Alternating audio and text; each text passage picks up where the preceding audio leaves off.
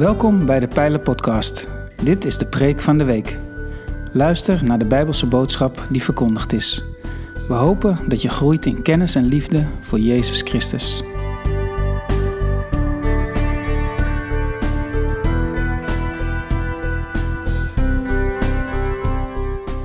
Met een vingertip hebben we toegang tot een eindeloze stroom verslavende informatie. Toegang tot informatie is nog nooit zo gemakkelijk geweest, maar het verwerven van wijsheid wordt steeds moeilijker. In een poging om ons te helpen een gebalanceerder en gezonder dieet van informatie te consumeren, heeft Brett McCracken de piramide van wijsheid gecreëerd. Geïnspireerd door de voedselpiramide, die we in Nederland kennen als de schijf van vijf.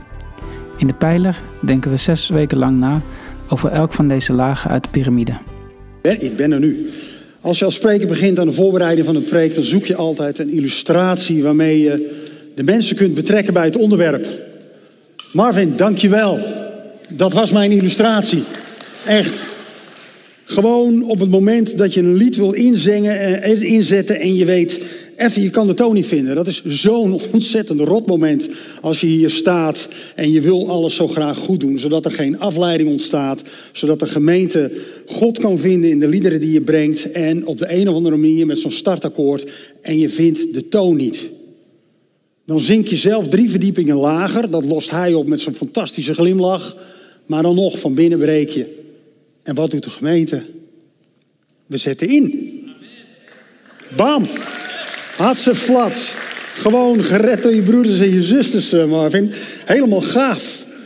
Dat is de gemeente. En vandaag behandelen we hoofdstuk 5 uit het boek van McCracken. Um, en dat gaat over de gemeente als bron van wijsheid. We hebben de piramides staan op de schermen en op de banner hiernaast. En die onderste twee lagen, dat is eigenlijk een beetje het schurende van vandaag.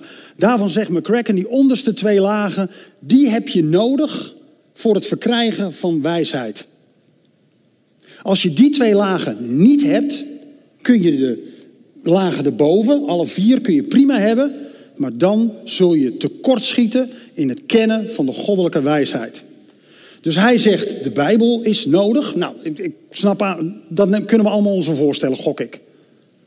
Maar hij zegt ook, de gemeente is nodig, is essentieel voor het verkrijgen van de goddelijke wijsheid. En dan zijn er een paar mensen die beginnen een beetje ongemakkelijk op een stoel te schuiven. Want als je zegt de plaatselijke gemeente, dan betekent dat dat ik iets moet. En als ik iets moet, dan ga ik standaard in de weerstand. Dan graaf ik mezelf tot allemaal okselputten in en geen mens die mij weer van een plekje krijgt. Weerstand roept het op. Ja, maar dan hebben we natuurlijk, ja, de gemeente. Maar daar bedoelt hij vast de universele gemeente mee. Je weet wel, die zich uitstrekt van Israël tot en met Amerika, tot de hoeken van Japan, tot de vervolgde kerk in China en het Midden-Oosten en tot hier. Nou nee, die bedoelt hij niet. Dus voordat je misschien wegzept thuis, ik weet niet waar jullie zijn, jullie zijn daar. Uh, voordat je wegzept en denkt van, oh shit, dit gaat over de plaatselijke gemeente, ik haak af. Of voordat je hier denkt van, nou weet je wat, ik schakel even uit, ik ga op mijn telefoon of weet ik veel wat. Totdat die kok uitgepraat is, dan gaan we tenminste echt leuke dingen doen. Uh, blijf er even bij. Want ik denk dat meneer McCracken een punt heeft. Sterker nog, ik weet dat meneer McCracken een punt heeft. En dat weet ik onder andere door het feit dat zowel Paulus altijd schreef aan de plaatselijke gemeenten. Hij schreef niet aan de universele gemeente.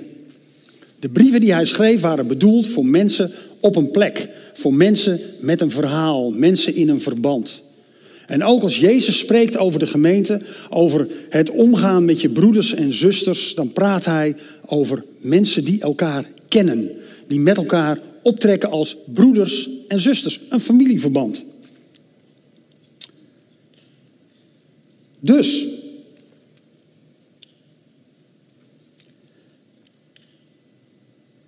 de universele gemeente is een gevolg van de plaatselijke gemeente. En vandaag hebben we het dus over de plaatselijke gemeente. Niet alleen deze groep mensen, maar iedere groep mensen die zich op een moment verzamelt om samen uh, onderwijs te genieten, God te aanbidden en om elkaar te ontmoeten. Dat zijn een beetje de drie kerndelen van een gemeente. En samen zijn we dan tot zegen van de wereld over ons om ons heen. En de grote vraag die we vandaag behandelen met elkaar is: is die plaatselijke gemeente noodzakelijk, let wel, noodzakelijk voor een gezond wijsheidsdieet. Dus in alle bronnen die we aangeboden krijgen, van top tot bottom, van internet tot alle kunstvormen, tot en met boeken, tot en met de natuur, schoonheid, noem het maar op, alles wat we krijgen, de Bijbel, is die, is die gemeente een essentieel onderdeel. Een mooie illustratie van het verschil tussen een plaatselijke gemeente en een universele gemeente kreeg ik ooit toen ik ergens begin deze eeuw uh, mocht bijzitten bij een interview met de gospelartiest Tommy Walker. En uh, we praten over ongeveer 20 jaar geleden, dus een heleboel zullen hem niet meer kennen. Maar Tommy Walker, uh, hij kent mijn naam in de opwekkingsbundel is van hem. En uh, welke nog meer? Ik had er nog, oh ja, alleen een God als u, die is ook van hem. Um, hij was op dat moment een groot worshipartiest in Amerika. En hij had vlak voor het interview, een, een, maand daarvoor, had hij een enorm concert gegeven in Washington. En daar stonden tienduizenden mensen op een groot grasveld met elkaar God te aanbidden. En hij leidde daar de worship. En hij vertelt over dat moment. Hij zegt: Ik stond daar en ik zag al die mensen en ik voelde de geest. En we waren de Heer aan het aanbidden. En het was helemaal fantastisch. Hij zegt dan op het moment dat ik van het podium afkwam, toen zag ik mijn vrouw en mijn zoon en zijn zoontje, klein jochie. Hij zegt, die, die waren daar ook. En die zag ik door de coulissen naar de trap toe komen. En ik liep van het podium af en op het moment dat mijn zoon mij ziet, rent hij naar me toe en zei hij, papa, papa. En hij zegt, toen schoot het ineens door mijn hoofd. Wat zal hij trots zijn op zijn vader? Want hij heeft natuurlijk ook al die duizenden mensen erbuiten gezien, die allemaal mijn liedjes zingen. Hij zegt, dat schoot ineens door mijn hoofd. En mijn zoon loopt op me af en zegt, papa, papa, ik zag een kikker in de vijver. en hij zegt dat moment. Hij zegt nog geen tien meter vanaf het podium, waar de anderen een grote worshipartiest zagen, zag hij gewoon zijn vader. En wilde niet delen over een kikker die hij gevonden had in de vijver. Het was een moment wat hem bepaalde bij mensen die hem kennen als Tommy Walker, de vader, of de worshipartiest. Hij zegt op het podium ben ik anoniem. Hij zegt ik heb me op dat moment voorgenomen om te blijven spelen in mijn plaatselijke gemeente. En dan praten we dus over een artiest die met de beste mensen van Amerika kon samenwerken op dat moment. En hij zegt en in mijn gemeente speel ik met een drummer die net zijn eerste drumles zonder gebroken drumstokken achter de rug heeft. En een pianist die zo nu en dan wel eens twaalf toetsen tegelijk aanslaat en daar, nou ja, het klinkt niet altijd. Hij zegt maar daar speel ik mee. Waarom? Hij zegt in die gemeente ben ik niet de grote worshipartiest. In die gemeente kennen ze mij.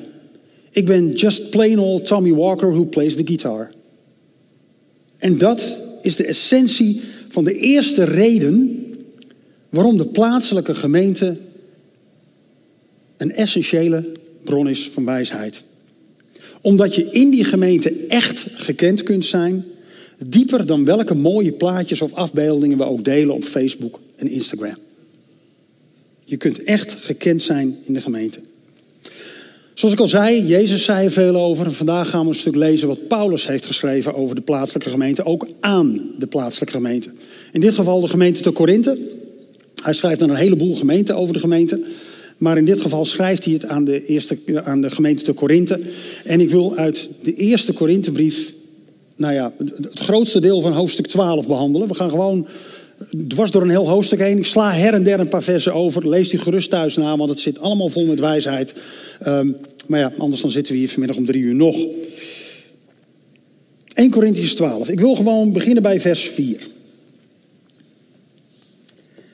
Er zijn verschillende gaven, maar er is één geest. Er zijn verschillende dienende taken, maar er is één Heer. Er zijn verschillende uitingen van bijzondere kracht, maar het is één God die ze allemaal en bij iedereen teweeg brengt. In iedereen is de geest zichtbaar aan het werk ten bate van de gemeente. Aan de een wordt door de geest het verkondigen van wijsheid geschonken, aan de ander door diezelfde geest het overdragen van kennis. De een ontvangt, de geest, ontvangt van de geest een groot geloof, de ander de gave om te genezen. En weer anderen de kracht om wonderen te verrichten om te profiteren, om te onderscheiden wat wel en wat niet van de geest afkomstig is. Om in klanktaal te spreken of om uit te leggen wat daar de betekenis van is. Al, al deze gaven worden geschonken door één en dezelfde geest die ze aan iedereen afzonderlijk toebedeelt zoals hij wil. Tot zover het eerste stuk. Paulus beschrijft hoe de gemeente werkt. Gods geest brengt mensen bij elkaar en al die mensen die kunnen iets. Wat de een niet kan, kan de ander. Of kan de ander anders. Maar wel allemaal, vers 7, ten bate van de gemeente. En daarna focust Paulus in op een aantal zaken die nogal bekend staan als ego-strelertjes. Van die bijzondere dingen, wijsheid, onderwijs, een groot geloof, genezing, wonderen, profiteren, onderscheiden van wat God is en wat van God is en wat niet. Dat zijn van die dingen die met name in de gemeente te Korinthe, waar ze nogal spiritueel bezig waren en ook allerlei aangrenzende uh, ja, leren hadden, uh, Artemis, noem het allemaal maar op.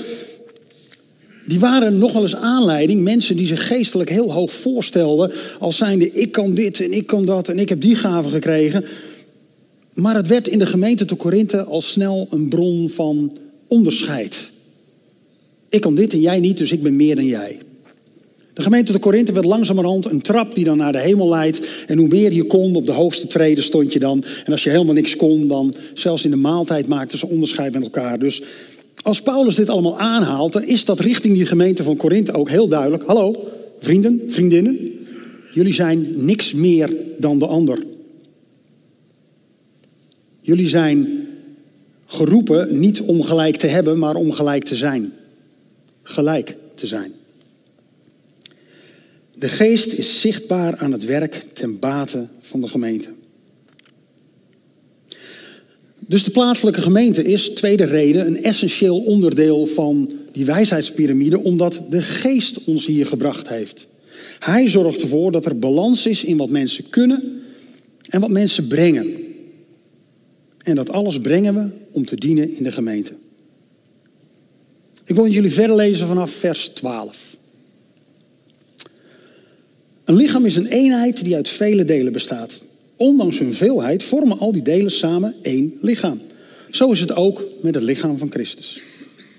Wij zijn alle gedoopt in één geest en zijn daardoor één lichaam geworden.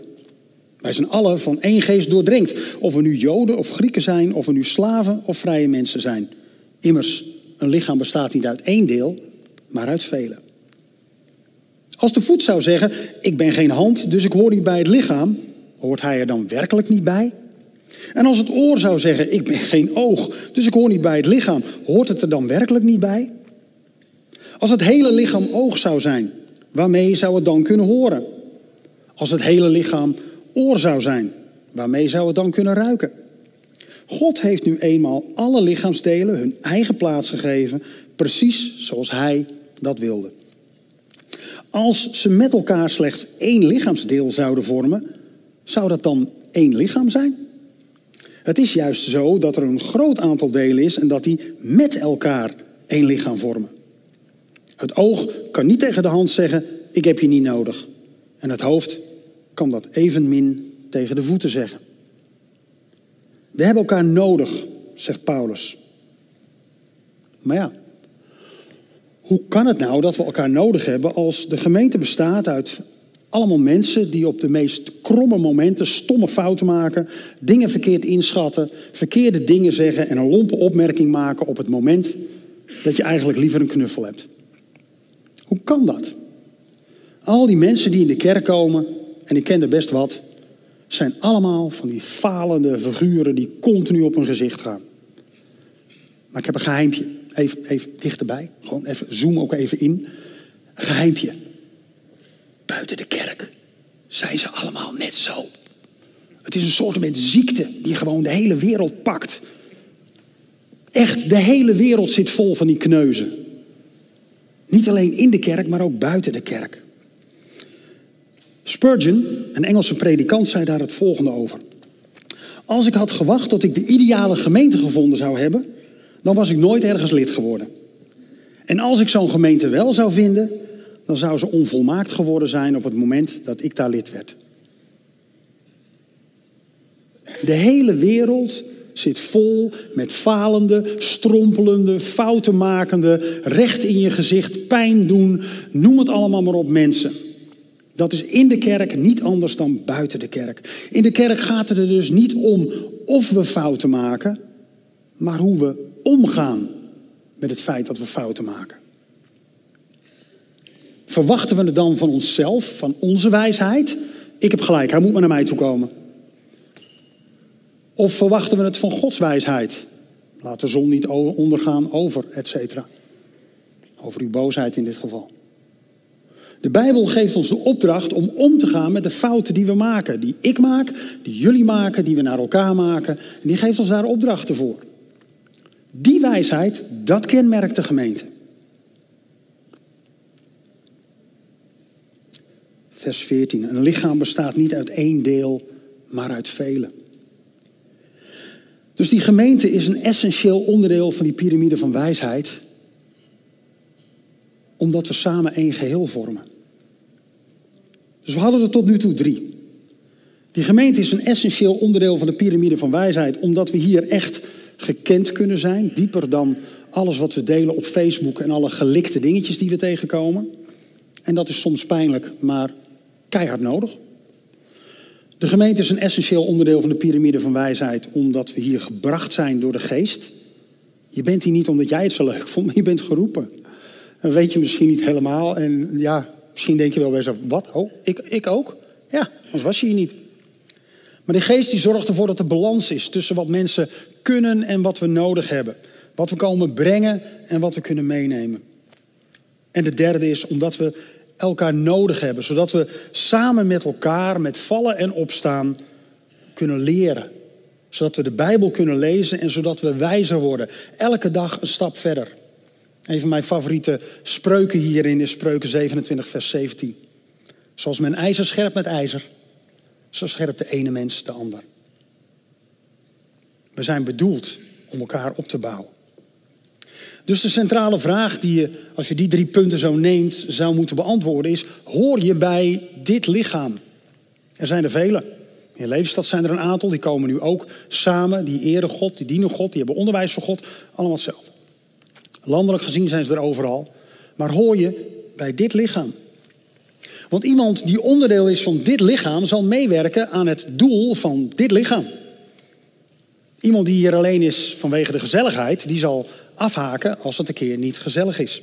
Iemand die hier is vanwege het goede gevoel, die zal afhaken als het goede gevoel weg is. Iemand die hier is omdat er voor hem of haar gezorgd zal gaan worden, omdat hij dat verwacht, die zal ons stom vinden als dat niet gebeurt en dan afhaken. Iemand die hier is vanwege de gave muziek, die zal afhaken wanneer de gave muziek stopt.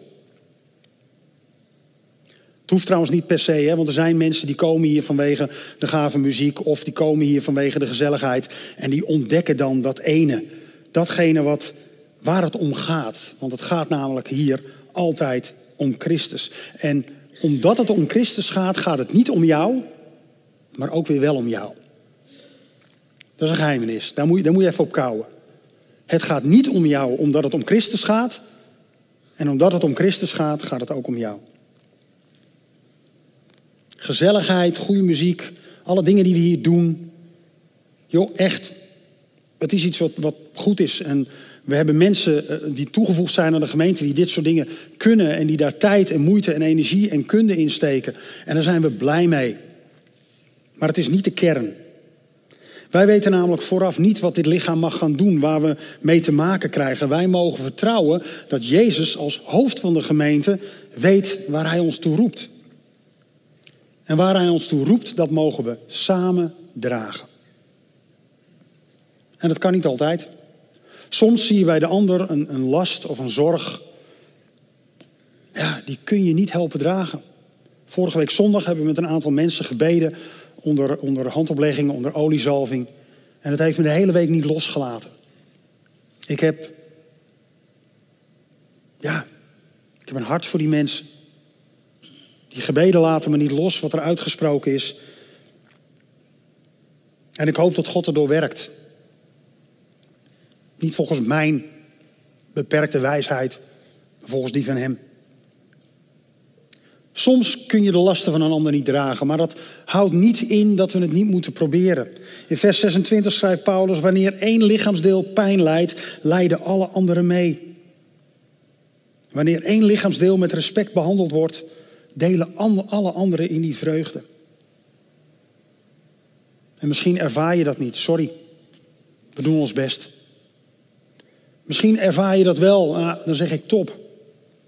Maar bedenk je dan wel, het komt niet omdat wij zo goed zijn, maar doordat we net iets beter hebben leren begrijpen wat Paulus bedoelt in de brieven aan de gemeente. Dat we net iets beter hebben leren begrijpen hoe, hoe het kan dat wij met al die onvolmaakte mensen zijn lichaam mogen vormen. En die Bijbel die roept ons op om dat lichaam hier te vormen, om hier te zijn, om hier bij te horen. Omdat we alleen samen zo kunnen functioneren. Omdat we alleen samen zo een compleet lichaam vormen. En misschien als je hier vandaag voor het eerst bent, of je bent ingeschakeld via YouTube, toevallig voorbij gefilterd en je bent blijven hangen, dan kan ik me voorstellen dat het even ingewikkeld is wat ik allemaal vertel. Het komt hierop neer.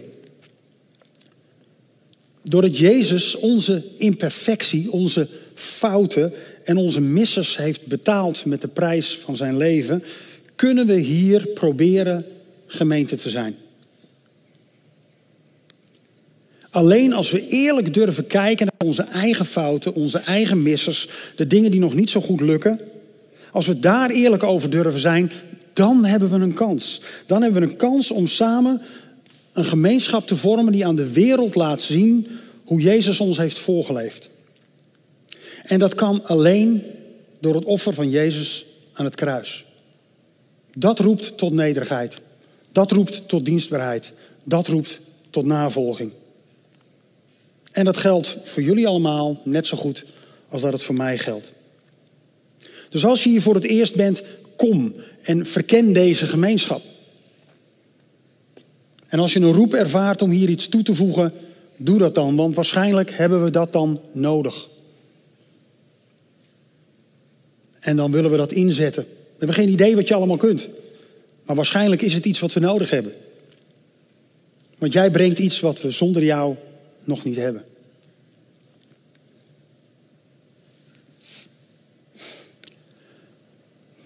We hebben redenen genoeg om de gemeente te durven zien als een essentieel onderdeel van de piramide van wijsheid. Ik noemde er al drie. Omdat we hier echt gekend zijn, omdat we hier gebracht zijn door de geest en omdat we elkaar nodig hebben. Maar er is nog een vierde. Aan het einde van hoofdstuk 12 komt Paulus nog even terug op die gaven die ons ego zo makkelijk kunnen strelen. Die zo makkelijk maken dat we denken dat we belangrijk zijn. In, in ging dat daar wel eens mis mee, zoals ik u al verteld heb. Maar Paulus legt uit, niet iedereen kan alles. Maar strek je wel uit naar de hoogste gave. Dat zegt hij in vers 31. Word alles wat je worden kunt. Strek je uit naar wat de geest voor je heeft en aan je wil geven. Maar niet iedereen kan alles. En overal ligt ons ego op de loer. En daarom hebben we elkaar nodig. We hebben elkaar nodig in de gemeente, omdat we alleen in de gemeente elkaar driedimensionaal kunnen zien. Als je bijvoorbeeld een inspirerend verhaal hoort van een toffe predikant op YouTube, dan hoor je alleen dat verhaal. En je ziet die predikant tweedimensionaal. Je ziet zijn hoogte, je ziet zijn breedte, maar je kent hem verder niet. Je weet dat er ingeknipt is, je weet dat er belichting, dat daarover nagedacht is. Ehm, je weet dat het goed doordacht is vooraf.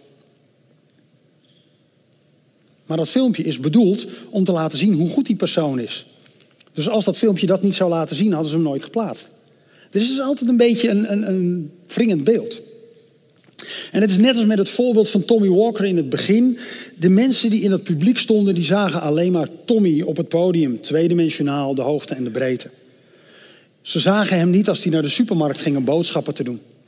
Ze zagen hem niet als hij met zijn zoon aan het knuffelen was achter het podium. We zien vaak maar zo kort fragmenten van iemands leven. Maar in de gemeente vind je driedimensionale voorbeelden. Mensen die je hier ziet, spreekt. Mensen die je dingen hoort vertellen. Waar je op een onderwijsavond iets van hebt. Of een, een, een juf of een meester die je bij de King's Kids hebt gehad. Of weet ik veel, een jongerenleider, een tienerleider. En die kom je tegen. Die kun je gewoon tegenkomen in de supermarkt. Die kun je tegenkomen onderweg. Je kunt hem of haar ook zien als hij of zij niet weet dat je kijkt. Ik weet dat dat een van de dingen was die mij raakte toen ik als ongelovige jongen voor het eerst in de ark binnenkwam. De ark was de pijler voordat het de pijler heette.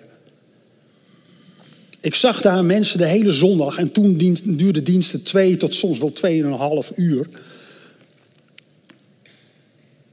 En de muziek sprak me niet zo aan, met alle respect. Sorry Wim. Ze... Ik heb gelukkig jarenlang fantastisch met je samengespeeld. Ik hoor je niet, maar dat is, dat moet je het iets harder zeggen.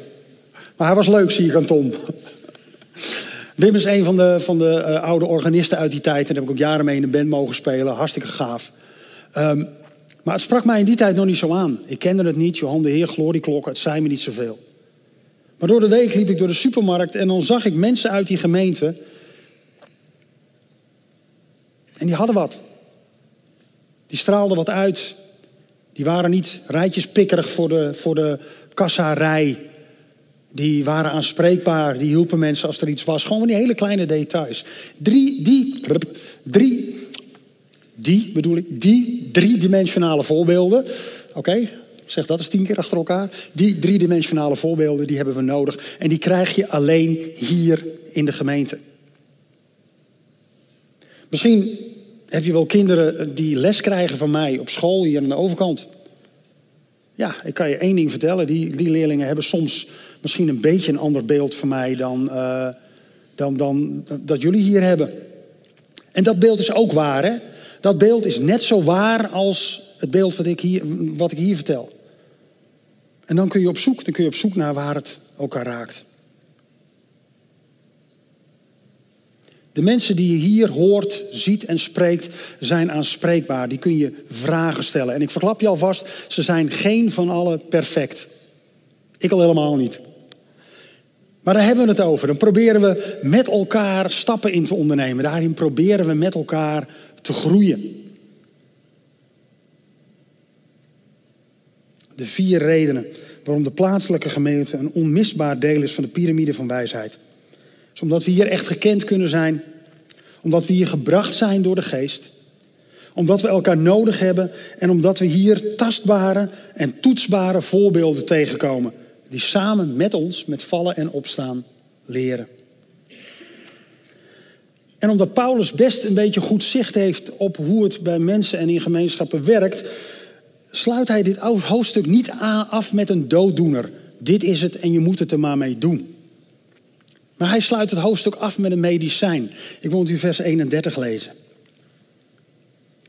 Richt u op de hoogste gave, maar eerst wijs ik u een weg die nog voortreffelijker is. Punt. En dan is hoofdstuk 12 afgelopen. Wat komt er na hoofdstuk 12? Hoofdstuk 13. En hoofdstuk 13 gaat over de liefde. Hoofdstuk 13 is een keihard, krachtig en doelgericht hoofdstuk wat alleen maar gaat over de liefde. Het is een lofzang op de liefde. En niet zo zoetsappig als de gemiddelde popsong, maar het is een ja, het is gewoon essentieel voor je kennis over de liefde om 1 Corinthians 13 een keer te lezen. We gaan het vandaag niet doen. Maar daarmee sluit Paulus hier aan. Dus als dat hele gedoe niet lukt met één lichaam en zo, dan hebben we altijd nog de weg die nog voortreffelijker is. De liefde. En de liefde is het ingrediënt dat slaagt als al het andere valt. Als onze wijsheid, onze eigen wijsheid het niet redt, als onze daadkracht het niet redt, als onze woorden stilvallen, als die geen oplossing meer bieden, dan hebben we altijd nog de liefde. En het is een liefde die, hier, die Jezus bracht als dienaar naar de plaats waar hij stierf. En op zijn woorden, op zijn offer, op zijn wijsheid en op zijn vergevende liefde bouwen wij onze plaatselijke gemeente. Bouwen wij, hoe imperfect we ook zijn, aan zijn lichaam. Aan zijn kerk zodat de hele wereld kan zien dat hoe het nu is in de wereld, dat dat niet is zoals het bedoeld is. Het mag mooier, beter, genadiger, creatiever, guller en vooral liefdevoller. Omdat we bouwen op Jezus. En alleen als we bouwen op Hem en op Zijn woord, dan kan ook deze gemeenschap de essentiële bron vormen voor wijsheid die je nodig hebt om Gods wijsheid te omarmen. Dus ik weet niet hoe jullie erin staan, maar ik ben het eens met McCracken. Zonder Bijbel, zonder gemeenschap waarin je gereflecteerd wordt. De vier redenen die we net hadden. Mag ze nog zien, uh, Henk? Kun je eens erop zetten? We kunnen hier gekend zijn. We zijn hier gebracht door de geest. We hebben elkaar nodig. En we komen hier tastbare en toetsbare voorbeelden tegen. Die redenen. Daarom is een gemeente essentieel. Zonder gemeente heb je dit niet. Blijf je anoniem. Dan schuurt het misschien wat minder, maar groei je dan nog. Ik wil met jullie afsluiten met gebed.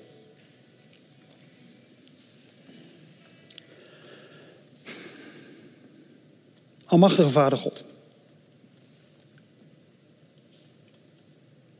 Wij zijn uw kerk.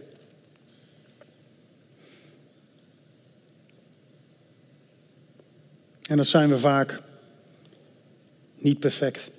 Sterker nog, meestal niet perfect. Maar Heer, u heeft ons bij elkaar gebracht. U heeft ons aan elkaar gegeven. Heer, daar ben ik u dankbaar voor. Ook al doet het soms pijn. Ook al spreken we soms woorden naar elkaar uit waar de liefde een beetje in ontbreekt.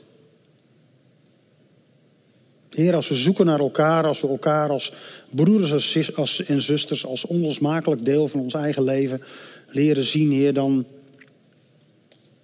dan kunnen we groeien. Ook van de dingen die we niet leuk vinden. Het mag niet om ons gaan, Heer, het gaat om U. En gelukkig mogen wij daar een rol in spelen. Dank u dat u hier ons gebracht heeft. Dank u dat u ons hier aan elkaar gegeven heeft en geroepen heeft om te dienen. Om te leren met vallen en opstaan.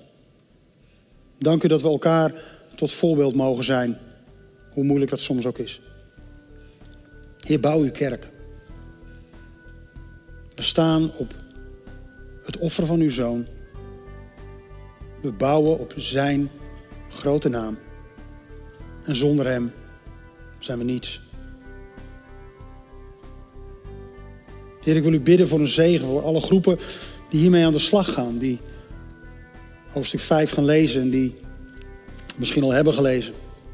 En er een avond bij elkaar komen en met elkaar gaan praten. Misschien wel over het verdriet wat je ervaren hebt in de gemeente. Maar ik hoop ook dat we gaan delen over wat de gemeente brengt.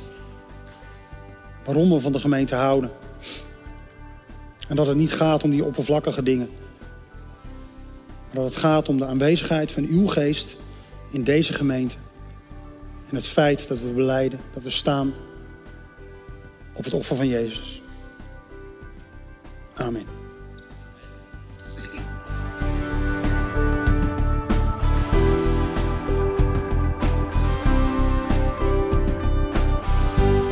Bedankt voor het luisteren naar deze aflevering van de Pijlen Podcast, Preek van de Week. Heb je vragen naar aanleiding van deze preek? Stel ze. Dat kan via een e-mail naar onderwijs.pijler.nl. We helpen je graag verder in je groei als leerling van Jezus Christus. Abonneer je op deze podcast, zodat je altijd op de hoogte blijft van het onderwijs uit de Pijler. Goede week gewenst, ga in vrede, want God is nabij.